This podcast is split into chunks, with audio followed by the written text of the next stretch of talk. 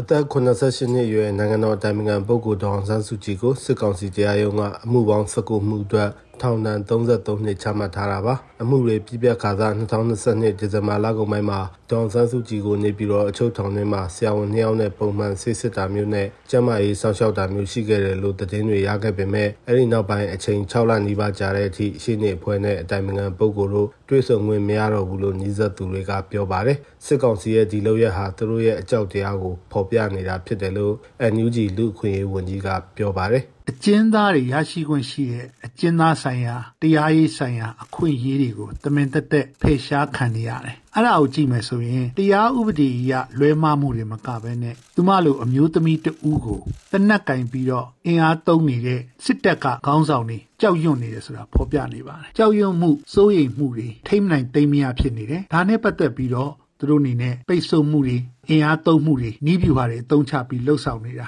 ကြောက်ရွံ့ခြင်းကိုတစ်ဖက်ကဖော်ပြနေတာပါဒေါအောင်ဆန်းစုကြည်ကကြောက်ရွံ့ခြင်းမှကင်းဝေးခြင်းကိုဖော်ပြပေမဲ့အကြမ်းဖက်စစ်တပ်ကတော့ဒေါအောင်ဆန်းစုကြည်မှာကြောက်ရွံ့ခြင်းနဲ့မလုံခြုံမှုကိုခံစားနေရတဲ့အချက်မျိုးဖြစ်ပါတယ်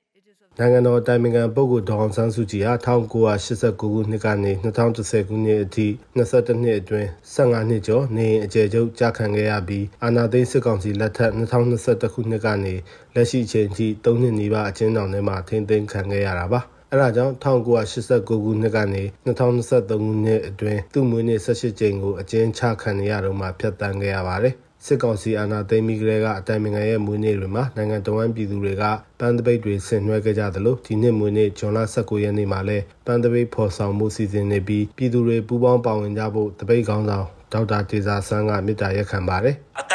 88နှစ်အရွယ်ပို့ဗျအမေအရွယ်အဖွားအရွယ်အပုဂ္ဂိုလ်ကြီးပါနိုင်ငံတော်၏တိုင်ပင်ခံပုဂ္ဂိုလ်ကျွန်တော်တို့လူလူပေါင်းဆောင်တော်ဆန်းစုကြည်ကိုစစ်အာဏာယူတွေကအဓမ္မဖမ်းဆီးထားတယ်နေဝင်းစောမောင်တန်းရွှေခင်ညွန့်စတဲ့အခုနောက်ဆုံးမင်းအောင်နိုင်ဒီအာဏာရှင်အာဏာယူအဆက်ဆက်ကအဓမ္မဖမ်းဆီးတယ် နေရင်ကျေကျုပ်ကြတယ်ထောင်ချတယ်ရိုက်နှက်တက်ဖြတ်ဖို့ကြိုးစားတယ်ပေါ့ဗျအမှန်တရားကိုကျွန်တော်တို့လက်နက်အားကိုနဲ့အနိုင်ကျင့်နေတယ်ဆိုတော့ဟိုဒါပြတ်တနေတာပဲခင်ဗျအဲ့တော့ကျွန်တော်တို့ပြည်သူအနေနဲ့ကတော့မိစ္ဆာဝါဒီတွေပေါ့ဗျဖက်စစ်ဝါဒီတွေကိုလုံးဝကောင်းကောင်းခံပါလဲမဟုတ်ဘူးလဲစင်းခံပါလဲမဟုတ်ဘူးရရပုံစံနီးသမ်းမျိုးစုံနဲ့အာနာရှင်တွေကိုအန်တုနေမှာဖြစ်တယ်ဒါဒေါအောင်ဆန်းစုကြည်အပါအဝင်နိုင်ငံတော်သမ္မတကြီးအပါအဝင်ပေါ့ဗျအားလုံးကလည်းပဲကြာရကဏ္ဍပုံစံမျိုးစုံနဲ့အာနာဖီဆန်လှုပ်ရှားမှုတွေလုပ်နေတယ်ဆိုတာကိုပဲကျွန်တော်တို့အဲ့လိုပဲပြောဆိုရမှာဖြစ်ပါတယ်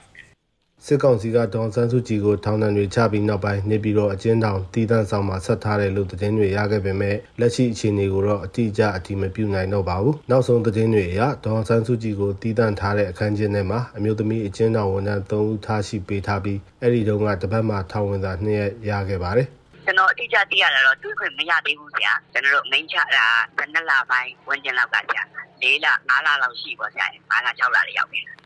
ဒီတက်ရွယ်သားကြီးနေနေနဲ့သူကလုပ်ပေးဦးမယ်ဆိုကျွန်တော်တို့ယုံကြည်တယ်။တိုင်းပြည်အတွက်ပဲအများအားရှိနေတယ်။နိုင်ငံသားတွေအတွက်အများအားရှိနေတယ်လို့ယုံကြည်တယ်။ဒါကြောင့်ခொနစိတ်ရှိနေပြည်နဲ့ချက်ပြန်ဒီပါဖြစ်နေတယ်သူစိတ်ရှိခဏကြည့်တဲ့နိုင်ငံသားတွေအတွက်အများအားဆောင်ရွက်ပြီးနိုင်တဲ့ပုံကိုဖြစ်ဖို့လည်းကျွန်တော်တို့ကယုံကြည်တယ်ညှော်လင့်တယ်အကြောင်းနဲ့အများအားမြတ်တာပို့ပါလေဗျာ။